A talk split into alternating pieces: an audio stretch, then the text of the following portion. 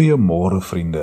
Jy staan daar vanoggend voor 'n berg wat intimiderend hoog tussen jou en jou drome staan en jy kan dit nie net ignoreer nie. Jou lewe mag daarvan afhang. Die situasie vra vir onmiddellike en beslissende optrede. In Psalm 121 het die skrywer 'n soortgelyke uitdaging gehad. Hy het vermoedelik in Jerusalem kom aanbid en moes nou oor gevaarlike berge, tussen moorddadige rowers deur, sy pad terugvind huis toe. Van daar sy magtelose uitroep toe hy die berge gewaar: "Here, waar sal my hulp vandaan kom?"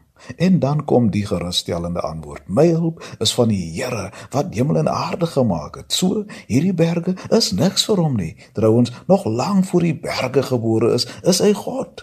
Luisteraar, God kan berge hanteer en in sy woord gee hy wenke wat om te doen wanneer ons voor berge te staan kom. In Markus 11:23 sê Jesus hierdie woorde: As jy vir hierdie berg sê, hef jou op en werp jou in die see, en jy twyfel nie in jou hart nie, maar jy glo dat wat jy sê sal gebeur, sal jy verkry net dit wat jy sê.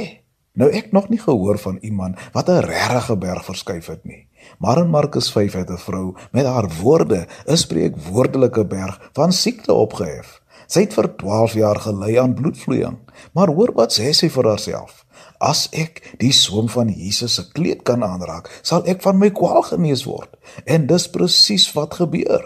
U sien, berge kan deur woorde verskuif word. Hulle reageer op woorde. Hulle is in die eerste plek deur woorde daar gestel.